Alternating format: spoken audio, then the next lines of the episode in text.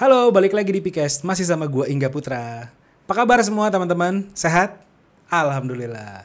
Buat teman-teman yang baru nongkrongin channel kita, jangan lupa di komen, di like, dan di subscribe. Also, jangan lupa di share ya.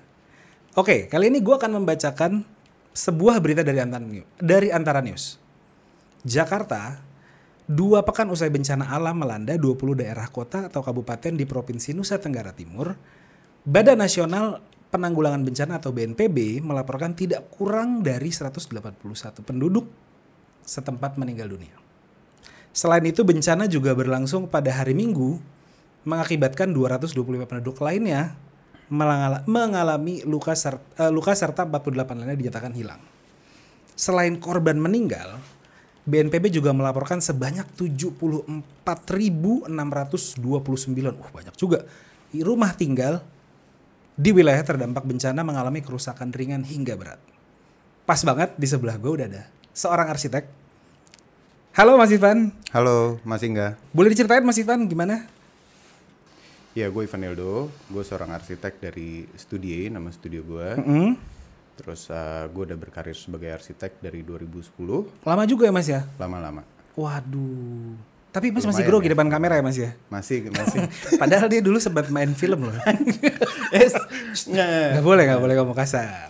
Nah, sebelum kita ngobrol-ngobrol santai nih Van ya, gue pengen tanya nih, ada adjustment apa sih kemarin di 2020? 2020, eh adjustmentnya 2020 termasuk baik sih buat buat eh, studio gue sendiri, buat Oke. Ha. kayak gimana tuh baiknya? Karena gue hanya ada perpindahan market project gitu. Maksudnya gimana tuh perpindahan market project? eh jadi yang sebelum 2020 itu lebih banyak mungkin klien gue kalau di persentase lebih banyak di retail. Hmm. Jadi kayak di mall atau di office tower gitu. Pas 2020 eh itu nggak boleh di notice ya. Hmm, boleh lah. Boleh ya. Pas Boleh lah. 2020 karena ada eh, pandemi. Jadi banyak yang WFH, banyak yang kerja di rumah. Mm-mm. Justru klien residentialnya yang eh, Kencang? banyak kencang gitu alhamdulillah. Sama kalau di office tower rata-rata banyak yang pindah unit dari tadinya mereka sewanya yang besar Jadi kecil-kecil. Ya, jadi pindah ke kantor baru yang lebih kecil gitu. Jadi banyak yang pindah ke rumah juga, lu desainin rumah sekarang. Iya. Banyak dapat orderan desainin rumah orang merubah jadi sebuah kantor. Enggak. Kalau merubah jadi kantor enggak, tapi mungkin banyak yang ngerasa rumahnya eh, pengen lebih nyaman, Lebih homey. lebih homey karena mereka lebih banyak aktivitas di rumah sekarang gitu. Oh gitu. Tapi ada banyak proyek yang kandas nggak 2020? Alhamdulillah enggak sih. Cuan ya? Eh, insya Allah. Insya Allah, alhamdulillah. dong. Alhamdulillah. Nah, me- menjawab berita yang tadi itu, Hmm. gue pengen tanya sama lu soal eh, struktur bangunan dari point of view lu sebagai arsitek. Di sini eh, sisi seorang arsitek apakah ada mitigasi tersendiri untuk membuat bangunan yang rawan bencana? Eh, kita kan eh, let's say kita tinggal di Indonesia. Kita tinggal di Indonesia ini kita rawan banget sama bencana. Kayak tadi yang di BMKG eh, BMP eh, di dari berita yang disebutkan dari antara itu ada 74.000 something rumah terdampak bencana dari kerusakan kecil atau kerusakan ringan sampai kerusakan berat. Dari sisi arsitek, lo lo lo kan sebagai arsitek dari sisi arsitek ada nggak sih bangunan yang ibaratnya kayak disaster disaster proof deh? Hmm, ada sih sebetulnya, tapi Hmm. gue belum pernah apa, belum pernah merancang khusus untuk bangunan yang emang benar-benar bisa terbukti nggak akan roboh kalau gempa gitu, karena itu Hmm. lebih cenderung ke pertama high rise building, bangunan-bangunan tinggi gitu, terus eh, minimal medium rise building itu udah mulai terapkan gitu, tapi kalau rumah tinggal sih masih eh, masih jarang yang pakai gitu. Tapi at least sebetulnya ini edukasi buat masyarakat juga. Sebetulnya untuk membangun sebuah bangunan itu sebaiknya memang eh, menggunakan beberapa jasa profesional gitu. Ya. Jadi nggak cuma arsitek, tapi ada profesi juga anak-anak sipil teman-teman kita itu eh, mereka lebih expert dalam hal struktur. Makanya gue kalau kerja sama sama klien itu pasti gue juga menawarkan eh, kita bareng sama orang struktur juga gitu Yes. supaya rumahnya itu dia mereka kan punya eh, ini sendiri ya punya edukasi sendiri khusus untuk struktur yang aman Hmm. dan kuat termasuk simulasinya kalau ada gempa getaran bangunannya sampai kayak gimana gitu Emang itu hal-hal apa aja sih yang perlu diperhatiin kayak pondasi mungkin? struktur lah Nah, struktur yang namanya gempa itu kan berarti kan bumi bergoncang ya Yes. nah bangunan itu kalau kalau misalkan strukturnya nggak kuat udah pasti uh, roboh gitu dan kita kan arsitek ada ilmu untuk menghitung struktur tapi tidak se-expert anak-anak sipil makanya kita harus kerja sama bareng gitu nah kayak kemarin tadi berita soal NTT ya Mm-mm. karena kebetulan kebetulan sebelum kejadian bencana alam di NTT Iya. gue baru balik dari sana juga gitu ada project masjid Oh, oke. jadi oke. gue tahu misalkan kayak kenapa banyak bangunan yang hancur di sana karena bangunan di sana itu hmm, sebagian besar masih menggunakan eh, bangunan struktur apa ya bukan konvensional tapi kayak bangunan asli warga sana gitu yang masih materialnya kebanyakan cuma pakai kayu Hmm. gitu jenisnya juga kayunya namanya kayu bebak gitu No wonder gitu ya kalau misalkan pada saat kena bencana mereka rumahnya rusak semua. iya Terus lo ngapain aja di sana, Van? Lagi ada kerjaan bikin masjid sih Oh, oh ini hal yang lo lakukan kemarin pas ke NTT. iya Hmm, I see, I see. Nah, oke. Sebelum kita ke arah yang masjid tadi itu, gue pengen eh, pengen bahas tentang comfort zone deh. Hmm. Gue tahu lo dulu eh lo sempat bekerja di salah satu perusahaan multinasional. multi apa itu Tapi perusahaan lo itu adalah lo adalah eh, lo berangkat dari seorang karyawan nih. Iya iya iya Lo berangkat dari seorang karyawan dengan fasilitas lo yang serba ada. Lo kalau kenapa-napa lo mau keluar negeri, lo ada RNR nya. RNR catat, relax and relaxation. Ada. Ya, itu gue make up aja. Oke, tapi intinya fasilitas lo tuh enak apa segala macam ada. Terus lo tiba-tiba lo berhenti dari pekerjaan lo dan lo memutuskan untuk go solo. Kayak Jenny. I'm going solo lo lo gitu. ketawa nggak tuh Boleh. jadi Jadi tadi gimana? pertanyaan? Lo eh coba lo ceritain kenapa lo bisa tiba-tiba lo berani mengambil keputusan itu? oh eh, pertama pasti ya enak sih di comfort zone itu enak gitu tapi eh, nggak menutup kemungkinan kita bosen Oke. ya kan kadang enak juga bukan berarti nggak ngebosenin kan nah terus eh, akhirnya karena gue dari lulus kuliah gue nggak pernah menutup diri untuk yang namanya side job Oke. Gitu. Jadi selama gua ngantor setiap ada orang yang nawarin gua kerjaan minta desainin rumah gue selalu ambil gitu. Hmm. nah ternyata dari situ pintu pintu untuk membuka usaha sendiri awalnya dari situ. Karena berkembang dari mulut ke mulut dari side job itu dia puas ngasih tahu saudaranya atau temennya lama-lama terbentuk sendiri si pasar kliennya itu. Oke. baru setelah gua udah nggak bisa bagi waktu antara ngantor sama kerja sendiri. Kelimpungan sendiri. Kecapean pagi sampai sore gua ngurusin duit orang. luar biasa loh. pagi sampai sore ngurusin duit orang malam gua beresin side job. Di situ gua akhirnya kayak udah deh gue fokus aja daripada daripada dua-duanya nggak maksimal. Ya. akhirnya kita kerja di kantor kepikiran project sendiri. Pas malam kita udah udah capek jangan sampai kita akhirnya ngurangin kualitas kan. Ya udah lah, yang penting beres.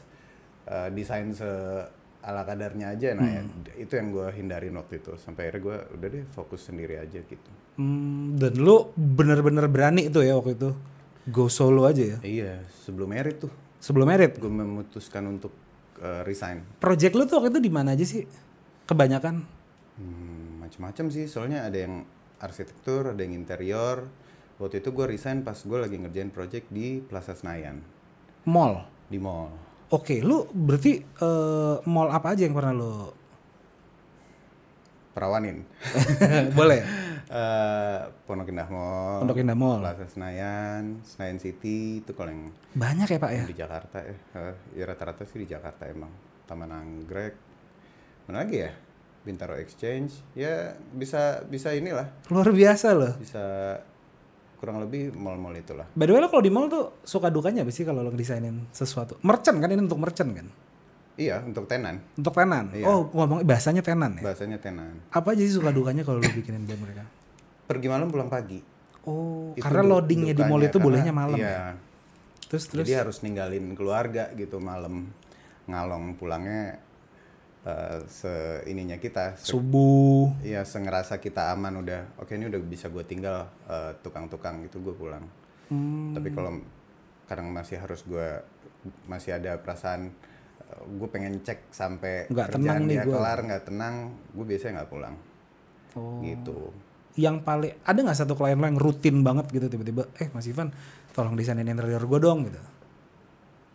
Hmm, rutin banget sih nggak Langganan kali ya bahasanya ya. kalau langganan gue Pondok Indah Mall sih Pondok Indah Mall. Eh, Udah ada berapa project so far di Pondok Indah Mall? apa ya kayak musola street gallery gitu gue nggak nggak ngitung sih tapi mereka tiap ada kebutuhan desain untuk properti mereka pasti eh, ngontak gue sih Jadi ada kurang lebih 50% nyampe ya di Pondok Indah Mall semua oh, desain? enggak lah itu Oh, kan masa? banyak enggak Banyak tapi ya. Hah? Di atas 20% pasti. gue nggak tahu kalau secara persentase tapi eh, ya lumayan sering kerja sama gitu Lumayan sering kerja sama sama tenan-tenan di sana. termasuk sama tenan-tenannya Oke. Nah, lu dulu kan sebelumnya pernah eh, sebelum lu ini deh, lu sebelum lu bareng sama eh sebelum lu kerjain si studi ini, lu sempat kerja sama sama teman-teman nggak atau apa? Kan kadang-kadang kalau orang nih kayak gue nih misalkan gue eh, berusaha, ah gue pengen coba, ah, gue jadi wira swasta atau entrepreneur gitu kan. Hmm. Tapi gue mau meminimalisir risiko gue, gue ngajak teman-teman gue. Lu pernah nggak melakukan hal itu? pernah lah pernah. By the way nama studio gue Studie ya. Studi, iya iya. Eh, justru gue berawalnya itu karena bareng temen gitu. Oke. berawalnya karena bareng temen. Eh, dulu dari dari belum lama lulus juga kolaborasi sama temen gitu kan. Jadi udah ngerasain beberapa kali deh kerja sama sama temen. Emang emang yang paling serius yang sebelum studi ini gitu. Bener-bener kayak partneran terus punya kantor itu sebelum studi Dan itu lu mengerjakannya project-project mall juga? iya Hanya project mall atau ada project yang lain sih? ada project lain Bil gedung atau apa gitu. iya rumah tinggal juga Rumah tinggal juga. Suka dukanya apa sih Van kalau lo bisnis bareng sama teman gitu?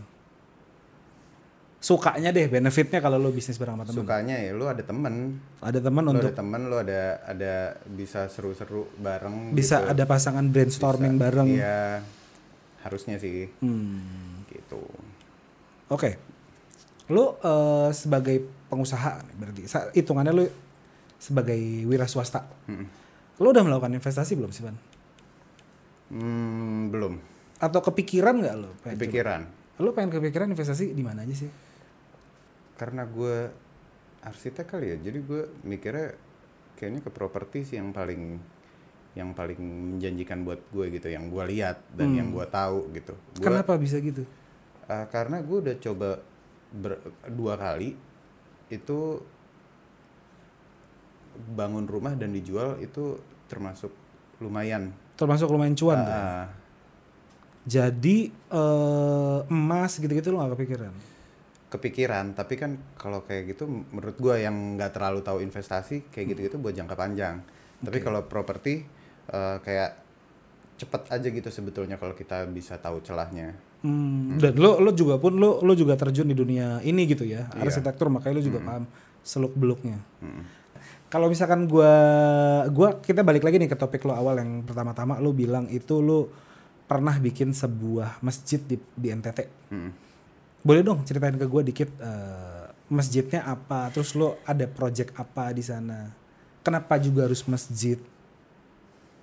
itu hmm, masjidnya tuh masjid warga kampung. Oke, nama kampungnya Kampung Tulun. Oke, itu 6 jam dari Kupang Jur. Oke. enggak. 6 jam dari Kupang eh berawal gara-gara gua nggak sengaja punya temen. Ah, temen gua ini kenal sama panitia-panitia yang mau bikin masjid. Yes. Eh, panitia-panitianya tuh orang asli Kampung Tulun itu Oke. gitu jadi pas gue di kontak temen bantuin dong nih ada masjid yang butuh eh didesainin di mana di Kampung Tulun gue Tapi cari apa dia terdampak masjid itu? iya Oke. jadi masjidnya tuh nggak nggak belum selesai pembangunannya gitu Hmm. belum selesai terus mau dilanjutin mereka nggak tahu harus gimana gitu ya orang orang uh, Dus, awam namanya juga na- dari de- dari daerah gitu ya. Eh, da- satu itu kedua walaupun mereka di, di kota kalau mereka awam soal arsitektur ya awam aja gitu.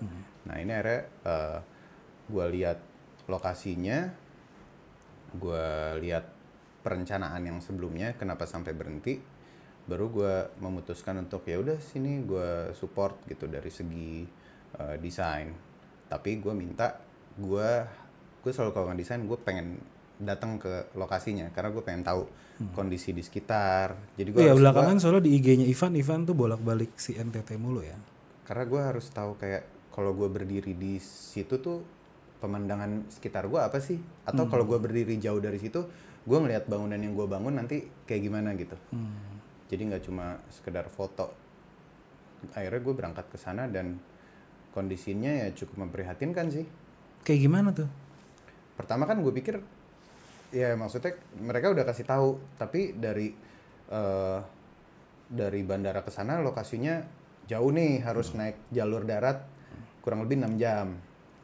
Habis naik mobil kemungkinan kalau mau cepet jalan kaki jalan kakinya berapa lama? Ya setengah sampai satu jam deh gitu. Pas gue sampai sana benar ekstrim. Jauh banget. buat menuju lokasinya tuh kita naik turun menurut gue sih itu gunung kecil ya cuma menurut mereka itu kebon tapi bener-bener dari atas turun sampai sungai naik lagi ke atas gitu Mereka terbiasa kali gitu. ya? iya dan setengah jam tuh waktu untuk mereka Oke. kalau kita yang nggak biasa naik turun Ngos-ngosan. ngos-ngosan gitu mereka sih kayaknya nyantai aja Apalagi lo ke sana masih pakai masker gitu ya. Makin Nggak, nggak, gitu. nggak, nggak. buka buka masker Oh gitu. Buka Oh masker. karena alamnya terbuka gitu. iya 6 jam naik mobil satu jam jalan kaki. Mm-mm. Terus akhirnya begitu udah lu sampai sana lu ketemu sama warga sekitar. Iya ketemu warga, gue cari tahu kondisinya. eh, di sana listrik baru masuk satu tahun, Oke. eh, air belum ada jur. Oke. Air itu masih beli, Hmm. air masih beli. Jadi mereka beli lagi dari Iya. luar kota itu. Wah, Iya, juga ya. jadi pas gue lihat posisi ruang wudhu kayak gitu-gitu kan, terus eh, nggak ada air, gue tanya ini airnya nanti dari mana kalau nggak jalan? Terus, beli katanya. Lah, Nggak ada sumber air di sini nggak ada, kata mereka. terus gimana dong? ya akhirnya gue memutuskan untuk eh, kayaknya nomor satu yang harus Air dulu. air Cari sumber air. Tapi lu udah nyari sumber air di situ. gue nyari tenaga ahlinya udah jadi gue bilang sama panitia fokus budgetnya buat bikin air dulu deh karena dengan adanya air nggak cuma ngebantu proses bangunannya tapi nanti bisa ya air wudhu dari situ sumbernya gitu nggak perlu beli kedua air minum warga gitu mandi minum Bisa dari situ Iya, juga. jadi lebih manfaatnya lebih banyak. Emang di sana warganya ada berapa Van yang tinggal Van? Nggak tahu sih, cuma kalau muslimnya sendiri minoritas dan totalnya eh, 45 kartu keluarga doang. Yang agamanya muslim di situ. Iya, sisanya non muslim gitu. Tapi tetap aja ya mau muslim mau non muslim, gua rasa air itu akan Penting sih. helpful buat semua orang di situ gitu. Lalu apa yang lo lakuin? Lo bikin crowdfunding kah atau apa? Eh, itu iya, udah lagi masih dikumpulin dananya. Masih dikumpulin? gitu. Eh, sama tenaga ahli sih gue akan kerjasama untuk cari si sumber mata air itu. Berarti ini masih project ini masih open ya? Masih. Dan crowdfundingnya masih ada. Kalau boleh di share boleh loh Van di share. Boleh. Boleh? Cuma, eh, gue nggak hafal nomor rekeningnya. Ada sih nomor rekening masjidnya. Mungkin gitu. bisa visit ke Instagram lu atau Oh iya bisa visit ke Instagram gue atau eh, Instagramnya Studie. Di situ gue posting kok si Tentang project- si masjid tentang itu. si masjid itu dan gue cantumin nomor rekening masjidnya langsung gitu. Hmm, Van. Di 2020 ini ada gak sih blessing in disguise? Buat lu dalam hidup lu. Ada. Ada di saat eh, kan itu baru mulai pandemi ya. Gue termasuk yang khawatir juga gitu. Ini karir gue gimana ya gitu. Karir studio gue kalau nggak ada project gue harus eh, nutupin biaya operasional kayak gitu. Ternyata ternyata gue aman banget dari segi eh, project ada aja gitu terus eh, kayak kayak kayak nggak pandemi aja sih menurut gue itu udah blessing in disguise gue gitu tapi eh, perpindahan marketnya ada gitu sebelum pandemi projectnya banyaknya di retail, di mall, di office tower gitu. Pas saat pandemi, projectnya lebih banyak di residential gitu. Mungkin karena orang lebih banyak stay at home, mereka pengen rumahnya, mereka mungkin baru notice kayak kayak gue pengen rumah yang lebih proper nih interiornya atau bangunannya gitu. kayak gitu. Menurut gue itu blessing in disguise sih gue bisa bertahan di eh, masa pandemi sampai sekarang. Lo kan seorang arsitek nih. Pasti lo ada angan-angan atau impian lo membuat rumah impian. Rumah impian lo tuh kayak gimana sih? Sehat dan nyaman sih sebetulnya itu doang. Hmm. Definisinya gimana sih? definisi teman-teman? Sehat dan nyaman tuh maksudnya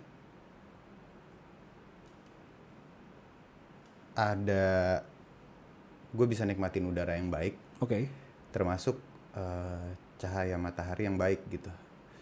Intinya kan yang kita butuh itu sebetulnya tempat bernaung yang nyaman dan kategori nyaman itu gue nggak bisa memaksakan semua orang harus sama gitu. Kalau arsitek kan punya idealisme sendiri ya. Ya. Kadang-kadang bentuk rumahnya semua mau dia gitu. Ya. Yang mungkin orang apaan sih kok rumahnya kayak gitu sih gitu. Tapi itu urusan idealisme atau selera gitu. Tapi nomor satu sehat dan nyaman itu yang gue terapkan ke semua klien gue juga gitu. Kedua gue suka rumah yang sederhana, nggak gede tapi tamannya gede kalau gue gitu. Tapi rumah lo gede banget sih Van dari Enggak lah. Terus, Eh, halamannya gitu kalau bisa Halamannya. yang gede karena gue lebih suka eh, taman Oke. gitu. Rumahnya sih gue nggak mau yang aneh-aneh, sederhana aja. Hmm. Pernah ada teman lo nggak yang eh, minta didesainin rumah sama lo? Ya justru banyaknya klien gue itu berawal dari temen. Berawal dari teman ya? Iya. Salah satunya mungkin eh, teman kita Batok gitu tuh. Iya. Handika pernah. Pratama. Iya. Pernah juga Pernah. desain rumah sama lo buat Iya. rumah nyokapnya katanya ya. Eh, rumah dia kok. Oh rumah dia? Iya. Udah jadi? Udah udah ditinggalin. Wih keren. Ditinggalin. Itu bisa dilihat di Instagram lo nanti tuh. Belum gue post sih itu. Kenapa? Belum aja. Kadang-kadang Oh. kadang-kadang di saat project itu selesai Hmm. eh, untuk gue banyak banget project yang udah selesai tapi gue belum post gitu Hmm. karena eh, satu belum sempet foto-foto. Hmm. Kedua gue ngerasa kayaknya masih harus di ada yang harus ditacap lagi nih supaya Hmm. di fotonya lebih bagus gitu. Lebih Instagramable. Instagramable kali ya bahasanya sekarang ya. Bisa, bisa, bisa. Nah. Terus lo desain rumah lo tuh yang kalau lo mau deh nih Van, kalau kita ngomongin desain rumah impian lagi deh. Hmm. Lo desain rumah lo tuh maunya yang kayak gimana sih Van? Lo yang lo seneng? Yang gue senang. Kalau gue nih, kalau lo tanya sama gue, gue seneng modern kolonial. Hmm, kalau gue tropis. Bali dong. Iya. Kayak gimana tuh? Iya kayak lo kalau ke mungkin kalau nginep di villa-villa di Bali kali ya. Yang bu- bukaannya banyak, angin seliwer-seliwer mulu gitu. Lo nggak harus pagi ke malam pakai AC. Intinya eh, saluran udaranya baik lah.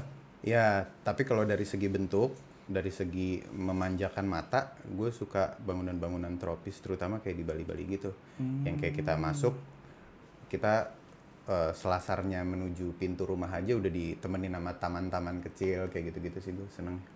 Jadi lo emang pengen nyari rumah yang ada tamannya ya? Iya, terus gue duduk di dalam rumah tapi berasa menyatu sama luar rumah gitu, Asik.